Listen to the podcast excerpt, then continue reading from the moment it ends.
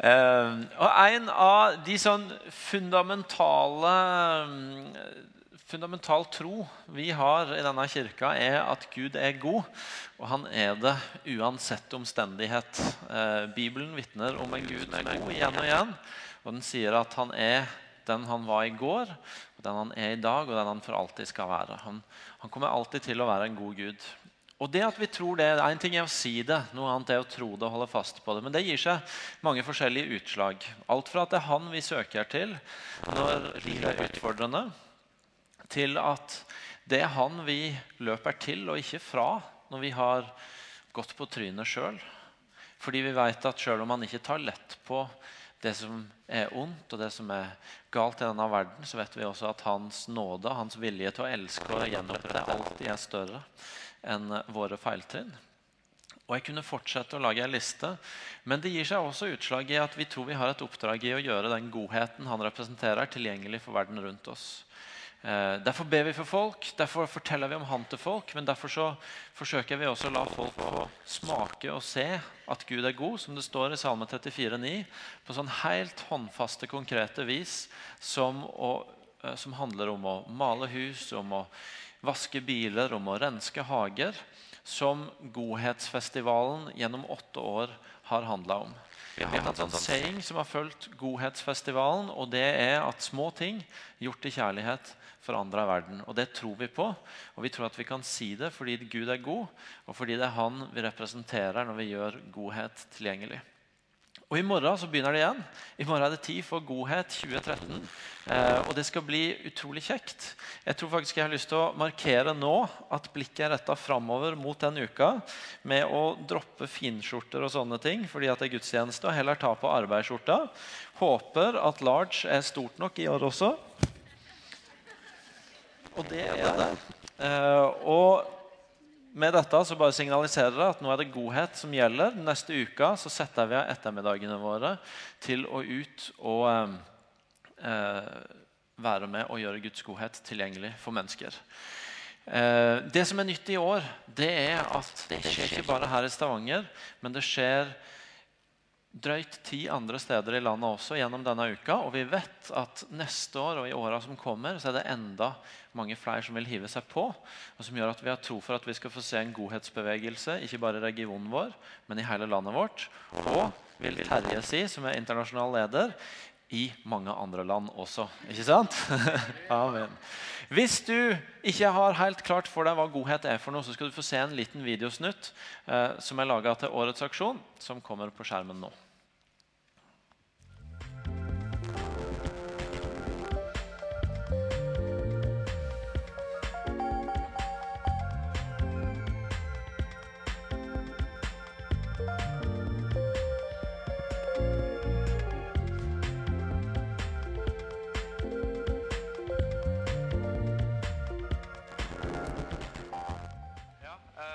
Er vi 10-15 stykker. Jeg har møtt litt tellinger, egentlig.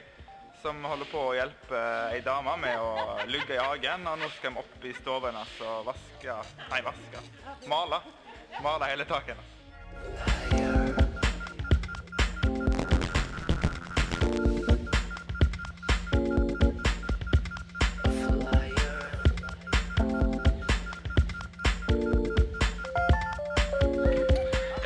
Godhetsfestivalen fordi jeg syns det er utrolig kjekt å få lov til å gjøre noe som bare hjelper andre og gleder andre. Og det er fantastisk kjekt. Og den takken som vi får av at det betyr noe for folk, det syns jeg er helt vanvittig.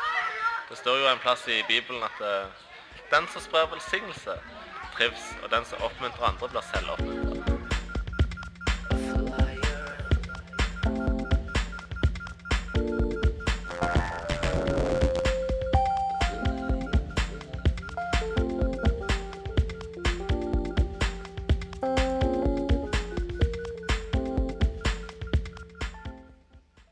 Vi leste i avisa og, og tok en telefontur opp uh, til Imi. Ja. Og så kom det da en tror han heter Gutter. Ja. Og kikket på det da. Og jeg tenkte først på fronten her, for denne var liksom Ja. tar her og sånn. Og han sa ja, vil du ikke male hele huset, da? Jo, er det mulig, sier jeg. Ja, kan skynde. Setter jeg i gang på mandag. Ja, men. Ja, da kjøper jeg maling og, sånn noe. Nei, maler Alstrand og alt sånt. Det, det hørtes ut som et eventyr for meg, altså. Så, ja. så eh, du kan si den gjengen som har vært her, da, ja, det, det har jo vært helt enestående. Helt, helt fantastisk. Ja. Ja da. Har de vært flinke? Liksom? Ja, ja, ja. ja. Kunne jo tro at de var mest utlærte malere og Ja. kunne dette. Jeg snakket jo med noen av dem, og de sa jo at eh, det, noen av dem var jo en av de første gangene jeg hadde holdt i en malerkost.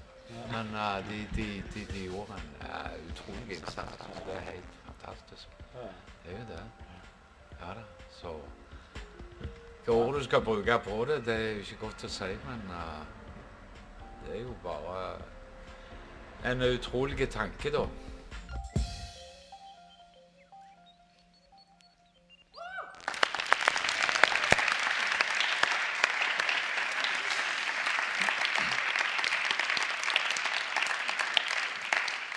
Folkens, det å sende hundrevis av mennesker fem kvelder i løpet av ei uke ut masse forskjellige steder i denne byen og regionen for å gjøre ulike oppdrag, det går ikke av seg sjøl.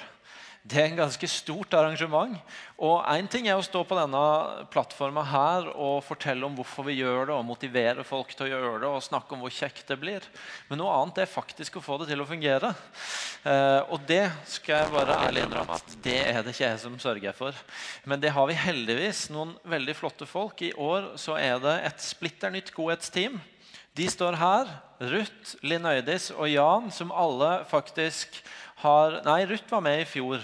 Men Linn Øydis og Jan er nye i godhetsteamet i år. Uh, har tatt på seg jobben med å få dette her til å fungere. Og de fortjener en kjempeapplaus for at de hjelper oss med det.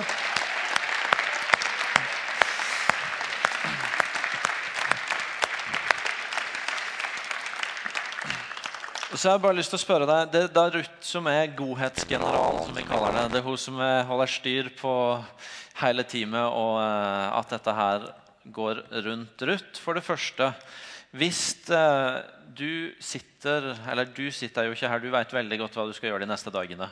Men hvis noen sitter her i salen og ikke har fått meldt seg på, og har lyst til å være med, er det for seint, eller kan det la seg ordne? Det er aldri for seint. Aldri for sent. Eller lørdag så er det for seint, men eh, kommer du de andre dagene, så er det bare å sende mail eller hva det måtte være. Komme i disken når klokka er fem, så skal vi klare å sende deg ut på noe. Så fra klokka fem hver ettermiddag så er det eh, bemanning i resepsjonen her som styrer oppdraget. Og så er det også sånn etter gudstjenesten i dag at noen vil sitte i disken, og du kan gå og melde deg på hvis du ønsker det da. Det er de som vil være med. Kanskje sitter det også noen her som tenker at vet du noe, jeg kjenner noen som kunne tenkt å motta godhet. Og Vi har sagt at vi særlig ønsker å prioritere Kan du si? Eh, gamle, enslige og eh, Eller eh, aleneforsørgere og nye landsmenn. Ja. Stemmer. Eh, og hvis noen her kjenner noen som trenger å motta godhet innenfor de gruppene, er det fortsatt også rom for nye oppdrag? Ja, definitivt. Vi kan ikke ta noen veldig store oppdrag som hele husmalinga, men uh, rydde en hage, vaske ned kjøkken og sånne behov som det, det trenger vi. Uh, vi begynner å ha mye folk, og vi trenger å sende de ut på oppdrag. Så meld gjerne inn det. Så Og da er det samme, da henvender en seg til sekretariatet her. Da kan en henvende seg i sekretariatet til dere, sende mail eller gå inn på godhet.no og så melde det på der. Til slutt, spørsmålet du ikke har blitt forberedt på at du får. Hvorfor bruker du så mye tid av livet ditt på å For du får ikke en krone for det. På å stille opp på dette her. Uh, godhet eh, er noe alle forstår. Med armer og føtter. Det forstår alle. Alle språk, alle folkeslag forstår denne type godhet. Uh, du kan være alle nasjonaliteter, men du forstår når folk kommer og vasker kjøkkenet ditt og fikser hagen din og maler huset ditt. Det, det krever ikke mer enn at du gjør det. Så det gir mening, og, og det er der jeg kjenner at eh, jeg er best på. ja, for å si det sånn. Fantastisk. Godhet er noe alle forstår. Takk skal dere ha, alle tre, og takk for at dere stiller opp.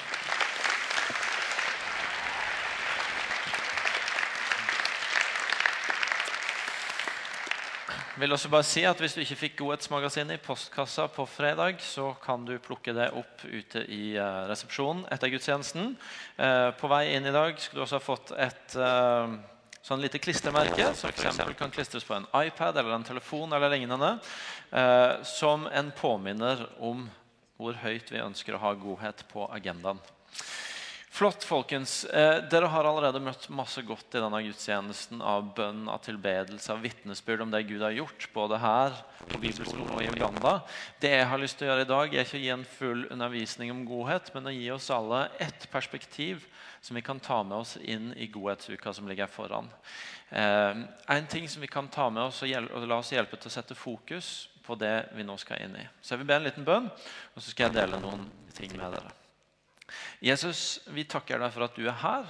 Og vi takker deg for at når du er her, så er alt mulig. Vi takker deg også for at du er den som har vist oss hva ekte godhet er.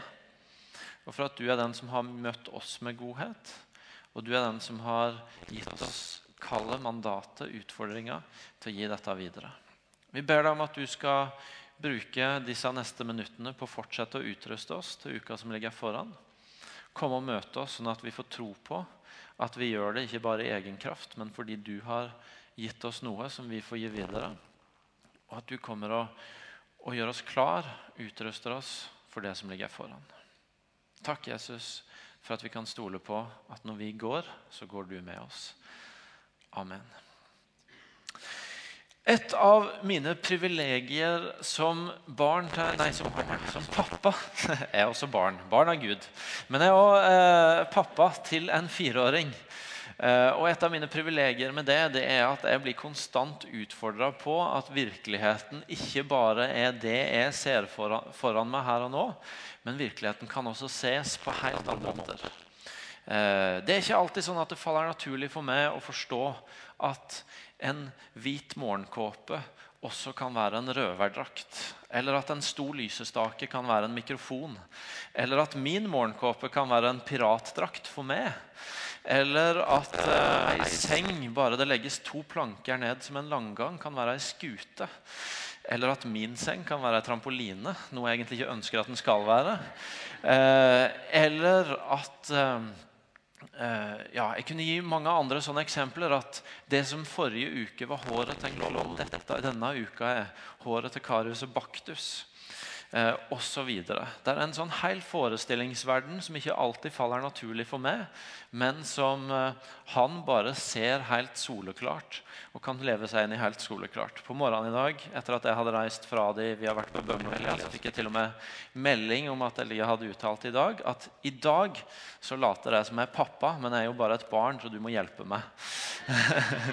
så det går an å forestille seg mye forskjellig. Eh, men det er fascinerende også hvis vi trekker det opp et nivå, når eh, noen ser og handler på noe som ikke alle andre ser. Og Det kan være på så mangt. Det kan være når noen ikke bare ser en gjeng eh, unge mennesker som spiller fotball sammen, men når noen ser han eller hun som faktisk kan bli skikkelig god og handler på det. Eller når en forretningsmann ikke bare ser noe som det der kan det aldri bli noe ut av. Men ser at vet du noe, hvis vi gjør sånn og sånn, så kan det der skape masse verdier. Eller hvis en lærer ikke bare ser en elev som ikke får til det og det, men som oppdager at oi, der har faktisk han noe som kanskje ingen andre har oppdaga, og så begynner å eh, nøre opp under det. Eller hvis en, et menneske ikke bare ser det mennesket som så mange ganger har gått på trynet eller dumma seg ut eller ikke fått det helt til, men ser noe av gullet som er lagt ned i det, og begynner å dyrke fram og hjelpe fram det i stedet. Eller som biskop Julius som vi har møtt i dag, er et levende eksempel på.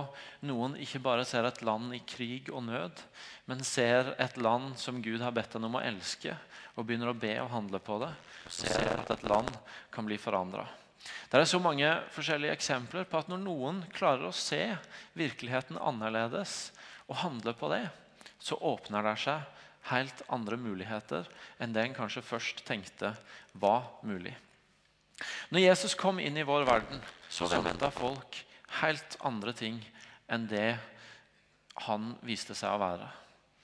eh, det romerske folket og de som ikke, de som ikke var, var, jøder og trodde på, trodde på Israels gud, de venta antagelig ikke på noe særlig i det hele tatt. De eh, forholdt seg til både imperiet og til de gudene som allerede fantes. Og hadde ikke noen forventning om at det skulle komme en frelser eller en som skulle bringe noe helt nytt. Det jødiske folket de venta på en Messias, på en frelser. Men de venta på noe helt annet enn det som kom.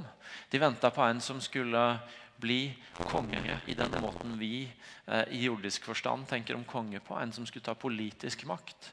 En som skulle ta styringa i landet igjen og gi de styringa over det landet Gud hadde gitt dem. Og sette folket i en posisjon, den posisjonen de mente de fortjente å ha i landet Gud hadde gitt dem. Og så så Gud noe annet enn det folket så. Han så noe annet enn det jødene så. Han så noe annet enn det eh, andre folk så. Han så en verden som trengte Gud, men som ikke visste hvordan de skulle finne veien til han. Han så en verden som trengte en ny kilde til liv, men som ikke visste hvor de skulle lete etter liv. Han så at det var ikke bare ett folk, Guds eget folk, som trengte noe nytt, som trengte Gud. Men han så at hele verden trenger Gud. Han så at det var ikke bare noen mennesker i en bestemt del av verden til en bestemt tid som trengte at Gud kom nær.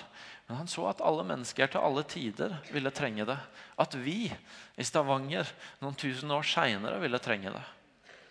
Han så at problemene i vår verden hadde en helt annen rot enn hvem som satt ved makta, hvem som var styresmaktene. Han så at rota til problemene fantes et annet sted. De fantes inni hver og en av oss. Ehm, og de måtte løses på en annen måte. Og fordi Gud så annerledes, så handla han annerledes. Han handla ikke etter forventningene som fantes eller ikke fantes, men han handla ut ifra at han så et annet bilde. Så han sendte ikke en jordisk konge. Han sendte en som skulle bli konge men ikke sånn som det var forventa. Han sendte en som i utgangspunktet var en sønn. Han sendte en som ikke tok opp primært kampen mot styresmaktene, men som tok opp kampen mot dødskreftene, mot synd og mot død. Han sendte ikke en som kom for å herske og styre over folk, men en som kom for å, en som kom for å tjene folk. Han sendte ikke en som tok seg til makt med sverd, men en som vant folks tillit gjennom godhet, gjennom helbredelse, mirakler, og gjennom ord og undervisning som viste en helt annen vei til liv enn det de så langt hadde sett. Gud så annerledes, og derfor så handla han annerledes. Og I ordspråkene 22,9 så står det et stilig lite vers. Det sier den som har øye for å gjøre godt, blir velsignet, for han deler sitt brød med den fattige. Første, setninga, første del av setninga Den som har øye for å gjøre godt. Altså noen som har øye for, noen som evner å se muligheten til å gjøre godt, blir velsigna. Det er noe spesielt, ikke bare med det å vite om godhet eller å ha en tanke om at godhet er bra, men den som har øye for det, den som ser mulighetene. Og så er del to av verset, for han deler sitt brød med de fattige. For han handler på det.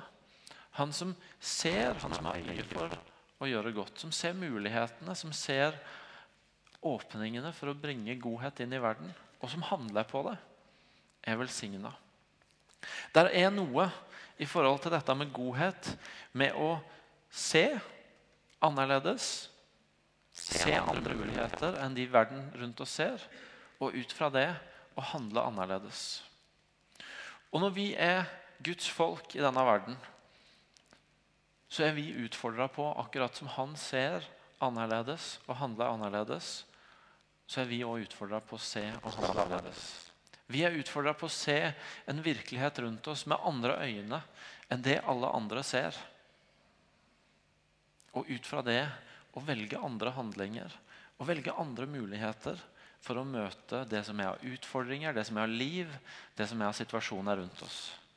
Ha øye for det gode, og ut fra det handle på en annen måte.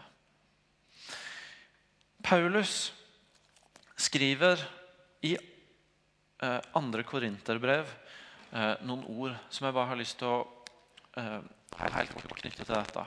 Andre korinterbrev det er skrevet, det har en bakteppe i at Paulus har en historie med menigheten i Korint. Eh, Han har både vært der og besøkt dem, og han har skrevet et første brev til Korint. Og han har også antagelig imellom det brevet og andre brev skrevet et annet brev som ikke er i vår bibel, og antagelig også hatt et besøk hos dem.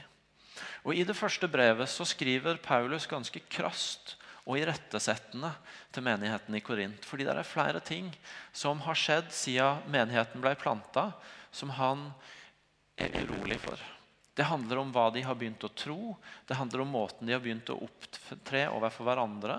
Det handler om en del stemmer de har sluppet inn i menigheten, som lærer de noe annet enn det som var utgangspunktet. Og Derfor så bruker han første korinterbrev på å formane de til å endre kurs igjen. Og så har det vært som sagt, antagelig både et brev og et besøk imellom, hvor Paulus har fortsatt å forsøke å få de til å, å sette en ny kurs. Og Når andre korinterbrev skrives, så har antagelig Paulus fått en beskjed om at nå har de hørt. Nå har de snudd kurs. Nå har de vendt tilbake til noe av det som var utgangspunktet. Og Så skriver Paulus i 2. Korinterbrev kapittel 2 og fra vers 12. Da jeg kom til Troas med Kristi evangelium, hadde Herren alt åpna ei dør for meg. Likevel var jeg urolig fordi jeg ikke fant Titus, min bror. Derfor tok jeg farvel med de og dro videre til Makedonia. Men Gud være takk, som i Kristus alltid fører oss fram i triumftog, og gjennom oss sprer duften av kunnskap om Han overalt. For vi er Kristi vellukt for Gud, blant de som blir frelst, og blant de som går fortapt. En duft av død til død for de som går fortapt, og en duft av liv til liv for de som blir frelst. Paulus forklarer om hvordan han kom til Troas et sted eh, med Kristi evangelium. og Det åpna seg en dør Det åpnet seg ei dør for å forkynne evangeliet og for å se at mennesker ble kjent med Jesus. Men så, han, så sier han at han var urolig fordi han ikke fant Titus, min bror. Antagelig var Titus den han håpa å møte for å eh, få vite hvordan det sto til med menigheten i Korint. Og det betyr at Selv om han sto midt i et spennende arbeid og midt i en spennende mulighet i Troas, så fant han ikke Titus. Og Det var et, en strek i regninga. Det var en utfordring for han. Og Derfor så sier han at derfor så tok jeg farvel med de og dro videre til Makedonia. Han måtte endre planer. Han måtte bryte opp fra det som var en stor mulighet. Og så måtte han dra videre fordi han måtte finne ut hvordan går det med denne gjengen i Korint, som jeg har grått for og bedt for og skrevet til, og så inderlig ønska at skulle holde fast på det gode de ble gitt. Og så sier han, men Gud være takk, til tross for at planene måtte endres, til tross for at han måtte bryte opp fra en stor mulighet, til tross for at det ikke ble som han hadde tenkt. Gud være takk, som i Kristus alltid fører oss fram i triumftog, og gjennom oss sprer duften av kunnskapen om Han overalt. For vi er Kristi vellukt for Gud. Det han sier, er at Vet du noe? Jeg kan se på denne situasjonen annerledes. Selv om jeg må bryte opp, endre planene mine, reise et annet sted, kanskje gå glipp av en stor mulighet her jeg er nå, så takker jeg Gud.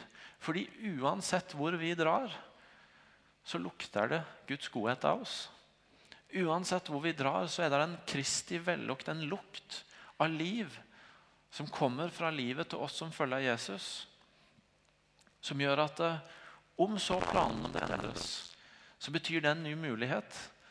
Fordi da tar vi med oss lukten av Guds godhet til et annet sted. Paulus klarer å se noe annet enn det som først er åpenbart, nemlig en mulighet han måtte gi slipp på, en plan som måtte endres. Vi er jo litt forskjellige mennesker. Noen syns det er gøy når planer endres, for da, da, blir det litt spenning og utfordring. En del av oss blir irritert når planer endres. Jeg er litt mer sånn. Men Paulus han, han klarer å se ikke at her var det en mulighet som gikk i vasken, eller en plan som måtte strykes. Men vet du noe? Her kom det en ny mulighet. For uansett hvor vi drar, så drar denne luk lukta av Guds godhet med oss. Denne duften av noe som er godt. Og det, er et ganske, det er et ganske flott bilde på det å være representant for Guds godhet i denne verden. At når vi lever med Gud, når vi tar imot av Hans godhet, så er det som om det er en annen lukt rundt oss der vi kommer. Det er noen uh, Hanne Therese og Geir som bor i kjelleren min, de ler litt av meg fordi jeg har avslørt at jeg kan av og til sitte om kvelden og glede meg til neste morgen og den første kaffekoppen.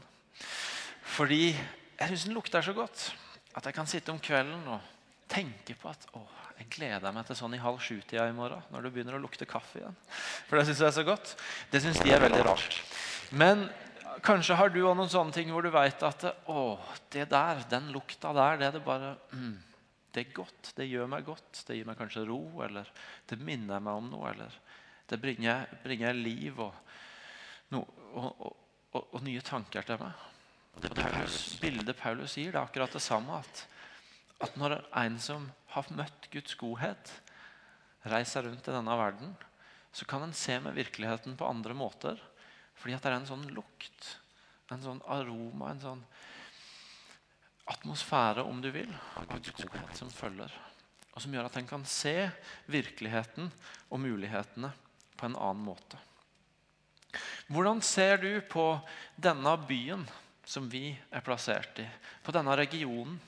På menneskene i din hverdag og på menneskene du ofte møter, og på menneskene du kanskje bare dumper borti?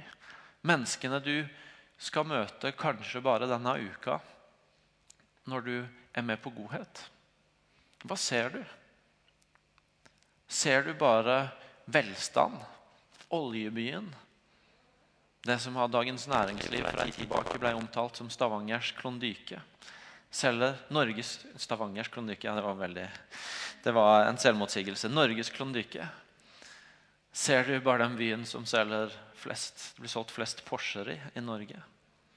Eller ser du at midt i all velstand så er det fortsatt mennesker som trenger å møte godhet? At Guds godhet møter noe annet enn bare det materielle, det som er på utsida. Men møter noen dype behov som ligger i oss alle, uansett hvordan utsida vår ser ut. I forhold til utseende, hvor mye vi eier, hva vi har å presentere oss med. Ser du at bak alle oljepengene og velstanden så er det også en god del som har det vondt?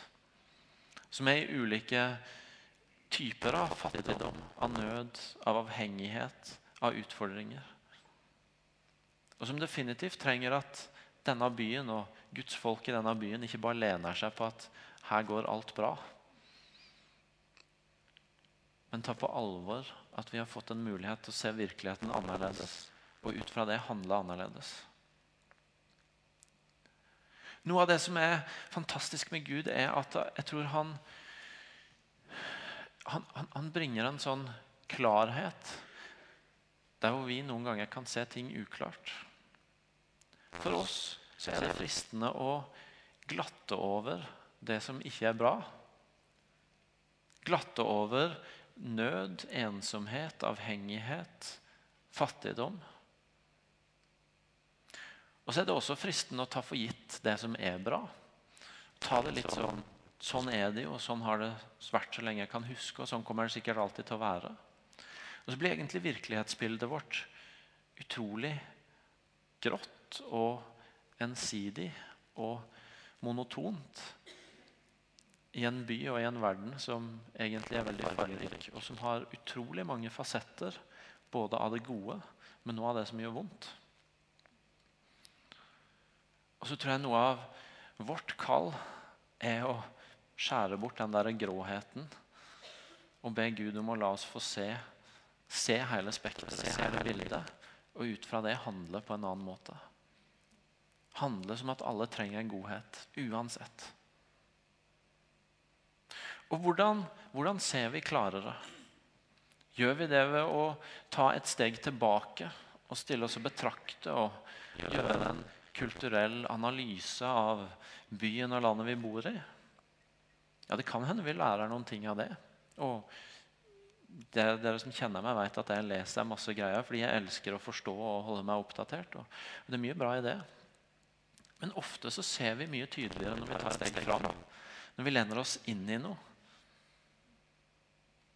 Og kommer på nær, nært hold med noe. Og Det betyr at det å se og handle det er veldig nært knytta sammen.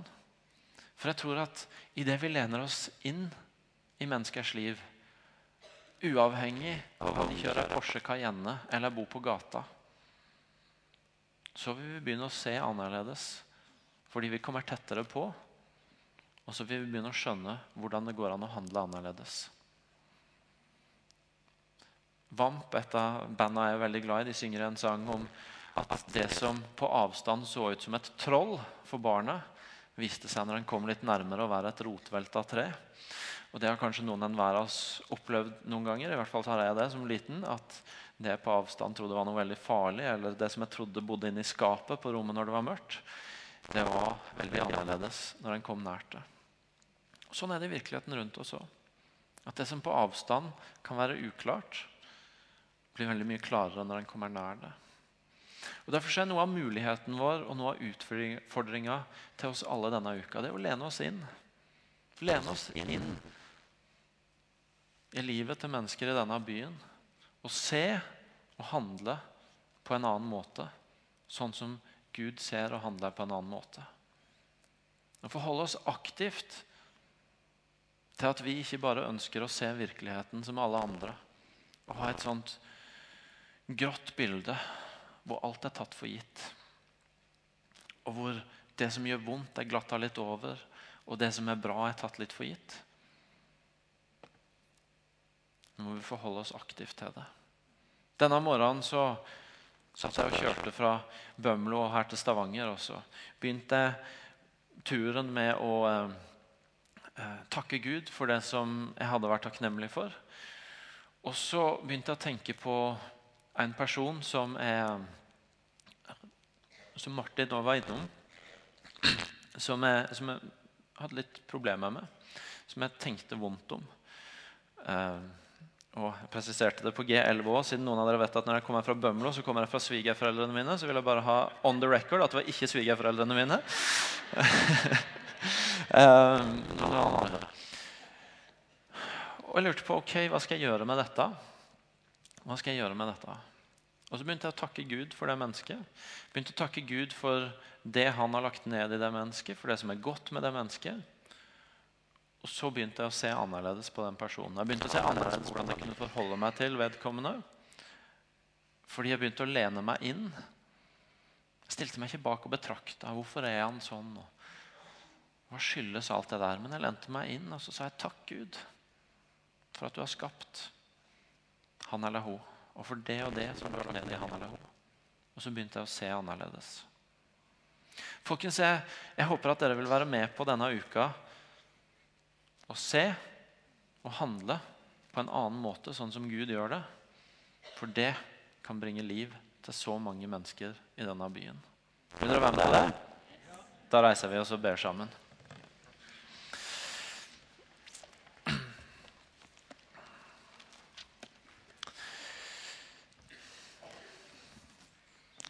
Far, vi eh, har lyst til å takke deg for at du så hva vi trengte denne verden ikke så sjøl helt klart og tydelig hva vi trengte.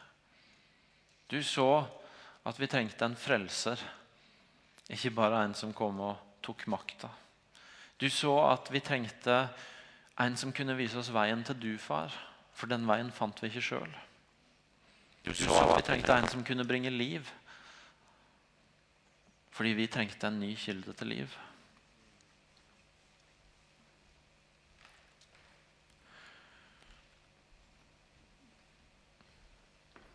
Og Denne uka så ber vi deg om å få lære av og leve ut lære av og leve ut det du har lært oss.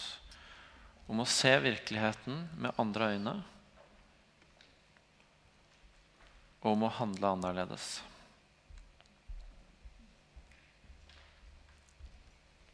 Om å ikke glatte over det som gjør vondt. Og ikke være takknemlig og ta for gitt det som er godt. Men å ta inn livet og menneskene i den byen og regionen vi er satt i. Og få lov til å være sånne som lukter av din godhet der vi går.